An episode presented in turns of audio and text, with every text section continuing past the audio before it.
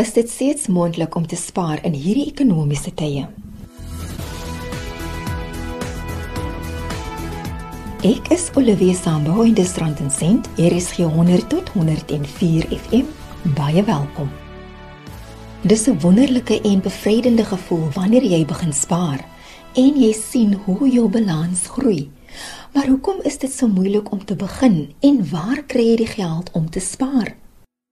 Frenzel Friedrich, hoof van bemarking by Momentum Beleggings, glo dit is wel moontlik om te spaar as jy begin om klein veranderinge te maak in die manier waarop jy jou geld spandeer. Definitief staan die risiko vir jou gesondheid deesdae om elke dag winkel toe te gaan. Spaar mens ook deur net weekliks te beplan lyste saam te stel van die kredienierswaarde net daar by te hou. Jy weet ek weet soms 'n irritasie met al die plastiekkaarte in 'n mens se beursie te hê, maar die regte gebruik daarvan kan kan regtig mense rande rek. En dan die ander gaan bietjie goed deur jou bankstate.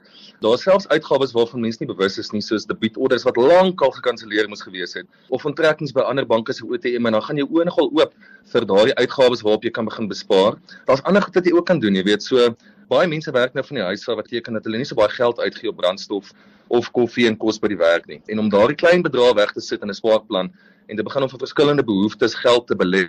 Ehm um, ek dink die ander ding is ook dink twee keer voordat jy iets groots daar aankoop. Jy weet my pa het altyd so gebrek as hy gesê het hy ry die regte kar, jy weet, afgesien van die handelsmerk, afbetaal.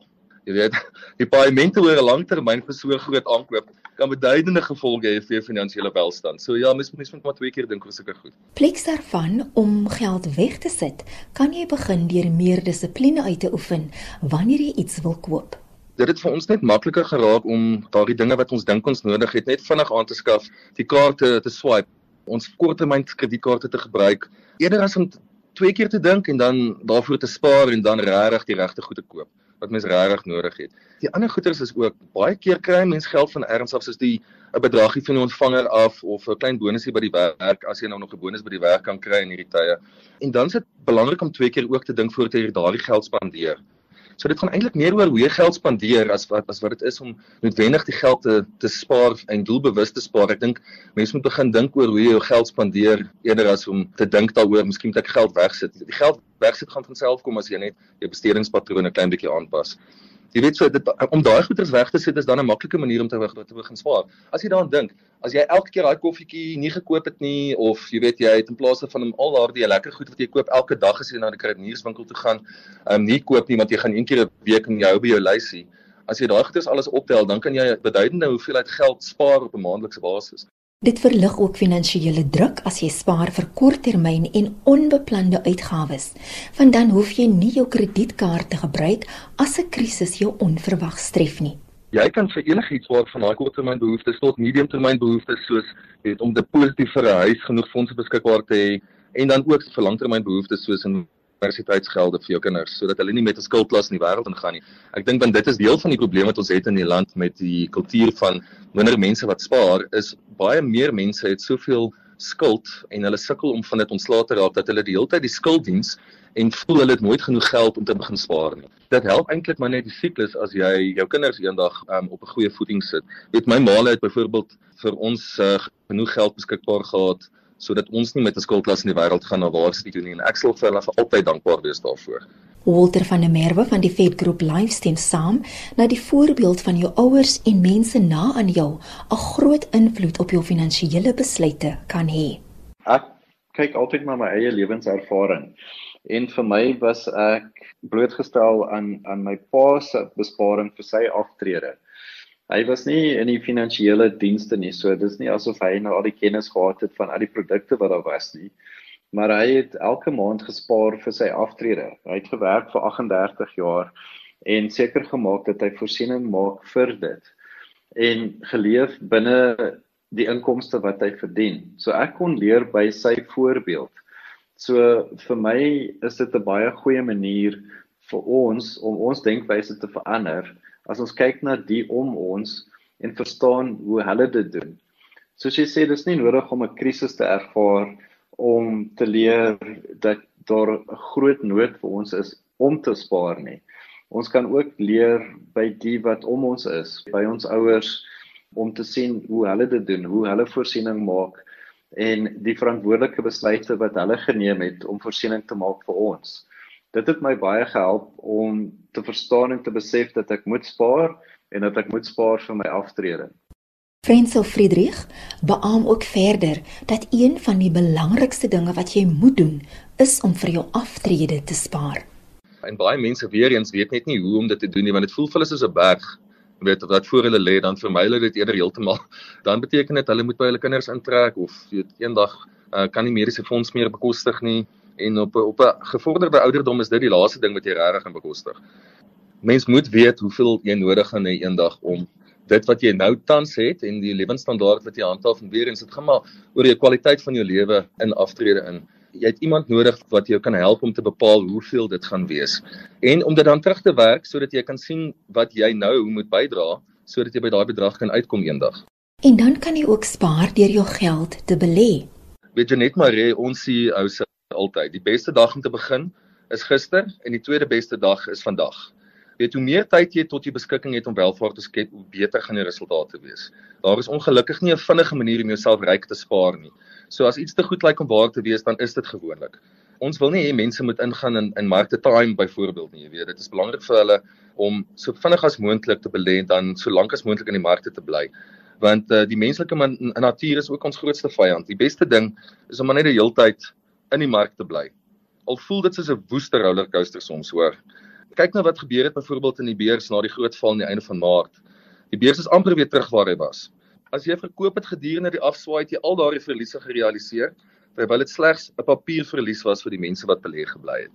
Ek gaan dit in Engels sê. Hulle sê it's not about timing the market, it's about time in the market. Met ander woorde, moenie probeer om 'n vooruitskatting te maak. Kom ons sê jy kyk nou na die rand en jy wonder, moet ek oor see belê of nie? Of jy gaan kyk na die mark en jy sê maar wag, moet ek nie maar wag dat die mark eers herstel voordat ek in ingaan nie. Die punt is jy kan nooit hierdie goed voorspel nie. So wat doen 'n mens? Jy weet ek dink dis dan baie moeilik om te sê, goed, ek gaan nou al my geld in een of twee aandele sit. So die eerste ding wat ek sal sê is bel jou adviseur. En dan ek glo altyd maar net daaraan, belegging in effekte trust is beter as om jou geld in een of twee aandele te gaan sit. Weens die eenvoudige rede dat as 'n mens vandag in 'n goeie effekte trust by 'n goeie fondsbestuurder belê, dan weet jy jy het iemand wat namens jou na jou geld kyk. Jy weet jy het 'n span deskundiges wat saam besluit waar daai geld vandag moet belê word en wat die beste aandele of dan ook die, die beste markgeleenthede is wat vir jou geskep kan word. So tyd is baie belangrik want die mark beweeg op en af. Die mark gaan deur sy siklusse, daar's tye wanneer die mark baie hoog is. Hoopelik is dit die tye wanneer jy as jy dan moet jou geld kan onttrek, maar niemand van ons weet ooit wat gaan dan gebeur nie.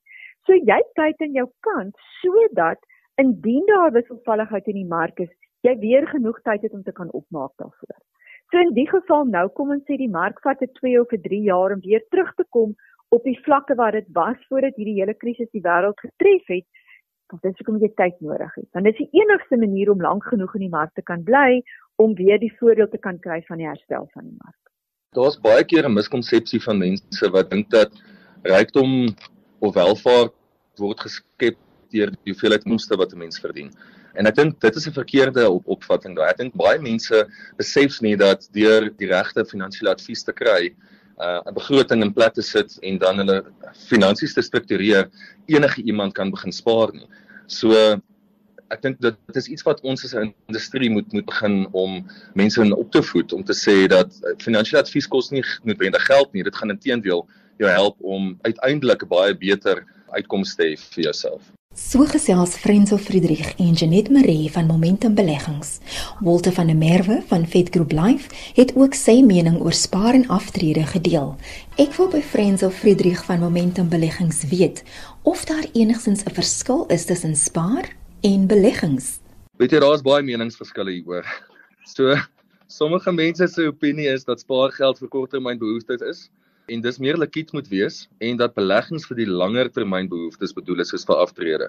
En dan is daar ander mense wat nou weer sê dat spaar die aksie is om gereeld geld weg te sit en dat om te belê beteken dat mens 'n lompsom bedrag het om 'n beleggingsinstrument te koop. So hulle dink mense kan spaar om te belê daar. Die probleem hiermee is dat daar soveel verskillende instrumente is soos effekte trusts en aandele dat mens nou op 'n gereelde basis direk in beleggingsinstrumente kan belê. So op die einde van die dag maak dit nie reg saak wat mense dit noem nie, solank jy dit net doen. Daar is verskeie opsies beskikbaar om jou te help spaar. Ja, jy kry nou deesdae die belastingvrye spaarprodukte of rekeninge, jy weet waar jy tot 500 000 rand oor jou lewenstyd kan belê. Ehm um, en dan die saamgestelde groei wat natuurlik die magic vir jou gee in die groei aan die einde van die tyd. Die weet die saamgestelde groei is eintlik die hulle noem dit die nuutste wonder van die wêreld want dit is wat uiteindelik vir almal help in hulle beleggingsopbrengste. Maar daar's ander goederes ook, jy weet daar's goed soos uitreaniteite wat ook 'n belastingdoeltreffende manier is om te spaar want jy kan tot 27.5% van jou bydraes terugeis van belasting tot 'n maksimum van 350 000 rand jy weet daar's mense wat baie baie bekommerd is oor wat die markte aangaan op die stadium en vir hulle is daar gewaarborgde beleggings wat oor 'n sekere tydperk 'n sekere hoeveelheid geld uitkeer. En dan is daar effekte trusts en anniteite en allerlei ander goed. So mense moet maar eintlik met, met hulle finansiële adviseurs gesels. Janet Marie ook van Momentum Beleggings verduidelik wat 'n effekte trust is. Daar's vandag meer as 1500 effekte trusts in die Suid-Afrikaanse mark. En al wat 'n effekte trust doen is dit vat almal wat in hom belê. Se geld sit dit saam en daar's 'n fondsbestuurder wat dan daai geld gebruik om aandele te koop. Maar nie net aandele nie, mens kry verskeie soorte effekte trust fondse. Jy kry byvoorbeeld gebalanseerde fondse waar daar 'n maksimum van 75% in aandele kan wees, die res moet in meer rentedraande beleggings gesit word sodat daar 'n bietjie meer stabiliteit in so fondse is jy kry ander fondse wat mens noem stabiele fondse waar jy byvoorbeeld miskien 'n maksimum van 40% in aandele kan belê. Daar's effekte trust fondse wat uitsluitlik daar is om amper 'n inkomste te verskaf. So, ja, effekte trust beteken bloot dat jy iemand, 'n kenner het, 'n fondsbestuurder het wat dit namens jou bestuur.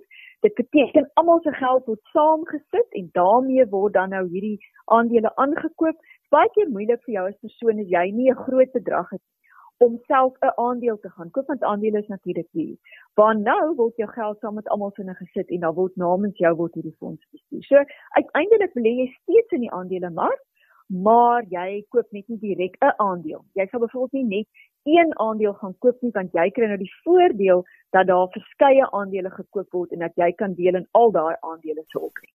Maries Smit, gesertifiseerde finansiële beplanner by Brenthurst Wealth, werp ook meer lig op wat rentedraande beleggings is. So rente moet mens verstaan, dit is iets apart as wat jy in 'n beleggingsportefeulje gaan kry byvoorbeeld wat tussen spesifieke bateklasse soos aandele, eiendom, kontant en effekte opverdeel is. Want wanneer jy kyk na aandele, daai word na verwys as kapitaale groei. So daar is nie enige waarborge wat daaraan gekoppel kan word nie. En dis ook kapitaal so die prys word jy nie vandag gekoop het vandag koop jy die aandeel teen R10 môre is hy R20. Daai verskil is 'n kapitaale groei en is nie vir waarborg nie. Hoe dit belas word is ook anders. So kapitaale groei is uh, kapitaalwinsbelasting waarop jy betaal. Nou wanneer jy kyk na rente so byvoorbeeld by die bank daar's baie instansies wat vaste rente gewaarborgde rente produkte bied Okay, dan is dit rente waarna jy verwys en dit is waar rentebelasting betaal word. En dit is ook gewoonlik die produkte wat meer 'n gewaarborgde koers bied wat jy vir 'n vaste termyn belê. So byvoorbeeld as jy nou vir 1 jaar, 2 jaar of 5 jaar vasbelê, dan bied hulle nou afhangende van die termyn 'n vaste rentekoers. Waar wanneer jy in 'n beleggingsportefeulje gaan staan en belê wat in aandele plaaslik of buitelands of 'n kombinasie van aandele en kontant en effekte dan gaan jy 'n kapitaalegroei komponent hê en 'n rentegroei komponent. So net om te kan onderskei tussen die twee, wanneer dit kom by 'n beleggingsportefeulje, gaan niemand jou ooit 'n waarborg kan gee vir die groei wat jy gaan ervaar binne jou belegging nie. So baie keer vra mense okay, maar ek gaan hierdie geld nou belê, jy moet dit vir my in 'n portefeulje sit. Wat is die rente wat ek per maand daaruit kan kry?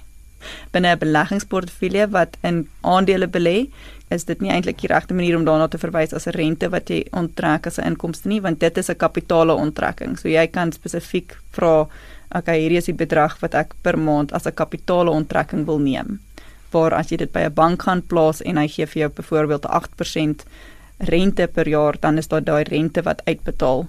Ehm um, maar dit beteken as jy daai rente 100% deeltyd laat uitbetaal op 'n maandelikse basis, dan bly jou kapitaalbedrag wat jy ingesit het dieselfde. Jy ervaar nie enige groei daarop nie. En dis rand en sent, RSG 100 tot 104 FM, skakel ook in op die DStv kanaal 813 of luister aanlyn by www.rsg.co.za waar jy ook die program kan aflaai. Stuur ook 'n WhatsApp teks of stemboodskap na 076 536 6961 of stuur 'n e-pos na randensent.rsg@gmail.com. Marie Smit sê verder, een van die groot voordele van spaar is daardie gevoel van sekuriteit en bevryding wat dit jou bied. As daar 'n noodgeval is, as daar enigiets is wat ek ewe skielik 'n bedrag geld voor nodig het, dan is daar iets om terug te val. Al is dit moontlik nie die doelwit wat daar dit aanvanklik gehad het om dit te gebruik vir 'n noodgeval nie, maar net om te weet daar is iets as daar 'n groot mediese geval is, net om dit te kan betaal en te weet ek hoef nie in skuld in te gaan om dit te betaal nie. So dit gee ook daar sekerheid binne jouself en ook om te besef met spaar dan is jy 'n oornag waar dit gaan groei tot die, die astronomiese bedrag. Dit is soos bietjie bietjie maak baie. Ja, die persone wat voel okay nee, maar dit is so 'n klein bedrag per maand ek gaan dit nie eers wegsit nie. Dit is gewoonlik ook daai persone wat eerder op 'n 'n miracle wag. So hulle sal eerder daai R50 of R100 spandeer op 'n lottery ticket as dat hulle dit gaan spaar oor tyd. Maar op die einde van die dag wat steen een wat heel moontlik die beter in die sak gaan bring.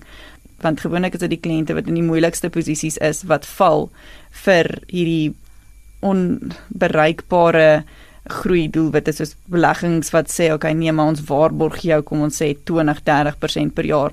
In hierdie huidige omgewing waar ons is jy gaan dit nie kry sonder risiko nie. So as enige iets soos dit 'n waarborg aangekoppel is dan sal ek al klaar ja, gevaarligte sien flikker maar ongelukkig is dit die persone wat gewoonlik die meeste afhanklik is van hulle geld wat daarvoor val en dan nog in 'n slegter posisie is want dan verloor hulle al die geld So dis eintlik 'n baie hartseer geval wanneer kliënte soek vir daai wonderwerke en dan op die einde van die dag verloor hulle die bietjie wat hulle gehad het net omdat hulle gehoop het op hierdie wonderwerk.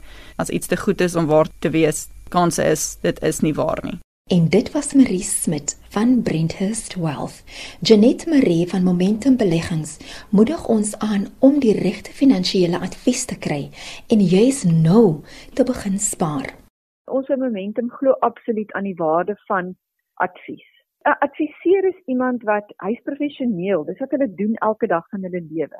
En hy's ook emosioneel oor jou finansiële toestand sodat 'n mens baie keer self is, jy weet hulle is baie meer rasioneel en hulle kan jou help om hierdie planne te maak. En as jy miskien dink ek het nie genoeg geld om 'n adviseur te sien en jy wil dit self doen, begin nie deur vir jou begroting op te stel.